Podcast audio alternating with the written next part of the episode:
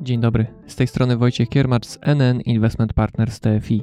Zapraszam na cotygodniowy flash rynkowy, a w nim coś się zmienia w preferencjach klientów funduszy.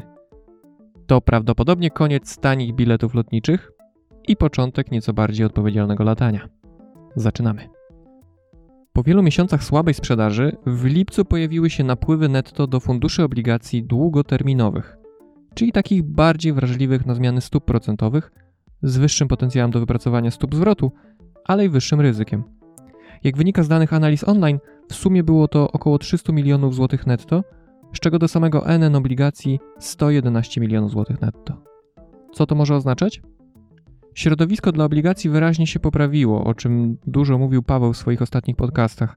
Zresztą w samym lipcu wiele funduszy dłużnych skarbowych długoterminowych wypracowało kilkuprocentowe stopy zwrotu. Średnia liczona przez analizę online to 5,5%. Dlaczego tak się stało?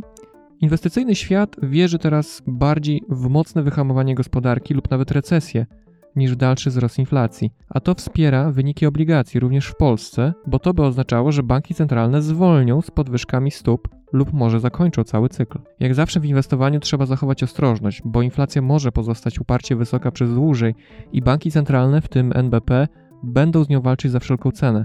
Jeśli swoją jastrzębią postawą będą dalej zaskakiwać rynek, nie będzie to korzystne dla obligacji, szczególnie o stałym oprocentowaniu. Coraz więcej inwestorów wierzy jednak w to, że jesteśmy w okolicy szczytu inflacji i nie będzie już więcej serii szybkich i mocnych podwyżek stóp procentowych w Polsce, które szkodziłyby wynikom funduszy. Świadczą o tym m.in. informacje i dane z USA. Inwestorzy ufają, że amerykański bank centralny zrobi już dużo w walce z inflacją i spodziewają się wolniejszego tempa podwyżek w przyszłości. Te przekonania wzmocniły niższe od oczekiwanych dane o inflacji. Dalej spadek aktywności gospodarczej i wskaźników wyprzedzających koniunkturę w Polsce. Wreszcie wypowiedzi prezesa NBP o wyhamowaniu wzrostu tempa inflacji i zbliżającym się końcu cyklu podwyżek stóp. Ale wracając do funduszy, nieco zaskakujący jest fakt, że w lipcu wysokie odpływy notowały z kolei fundusze obligacji krótkoterminowych, czyli te mniej wrażliwe na wahania stóp, a więc bardziej odporne na ewentualne negatywne zaskoczenia na rynku. Odpłynęło z nich około 600 milionów złotych netto, pomimo również bardzo dobrych wyników w lipcu. W inwestowaniu zawsze chodzi o zważenie potencjalnego zysku do ryzyka i w przypadku tego typu funduszy ta relacja wydaje się atrakcyjna. Rentowność portfela jest nadal wysoka, a dodatkowo wrażliwość na zmiany stóp niska.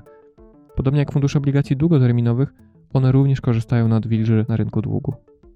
Zmieniamy temat. Czasy biletów lotniczych za kilkadziesiąt złotych prawdopodobnie mijają bezpowrotnie. Michael O'Leary, prezes Ryanaira, w wywiadzie dla radia BBC zapowiedział, że nie zobaczymy już promocyjnych ofert za euro czy nawet 10 euro. Winnym jest wzrost cen paliw. Podkreślił jednak, że popularność lotów nie spadnie, a klienci, którzy przecież też dostają po kieszeni w związku ze wzrostem cen, będą po prostu bardziej dociekliwi w poszukiwaniu dobrych ofert.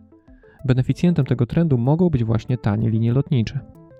Do czasu wybuchu pandemii COVID-19 ruch lotniczy kwitł, m.in. właśnie dzięki takim tanim ofertom – Według danych Banku Światowego w 2019 roku było ponad 4,5 miliarda pasażerów, dwukrotnie więcej niż 10 lat wcześniej. Podróżni wybierają samolot nawet na krótkie krajowe trasy, ale jak podaje BBC, przed wybuchem pandemii loty komercyjne odpowiadały za około 2,4% globalnej emisji CO2. Sektor pomału podnosi się po dwóch latach marazmu, ale równocześnie jest pod coraz większą presją zmiany na bardziej zrównoważony model biznesowy. Możecie być zaskoczeni, ale same linie lotnicze namawiają do nielatania – Przykładem jest holenderski KLM i jego kampania Lataj odpowiedzialnie. Firmy lotnicze zawiązują również współpracę z liniami kolejowymi i część połączeń na krótkich trasach zastępowana jest szybkimi pociągami. Ma to sens nie tylko wizerunkowy, ale też biznesowy. Zwalnia się przestrzeń powietrzna na loty bardziej lukratywne, czyli takie na dłuższy dystans. To tyle na dziś. Do usłyszenia za tydzień.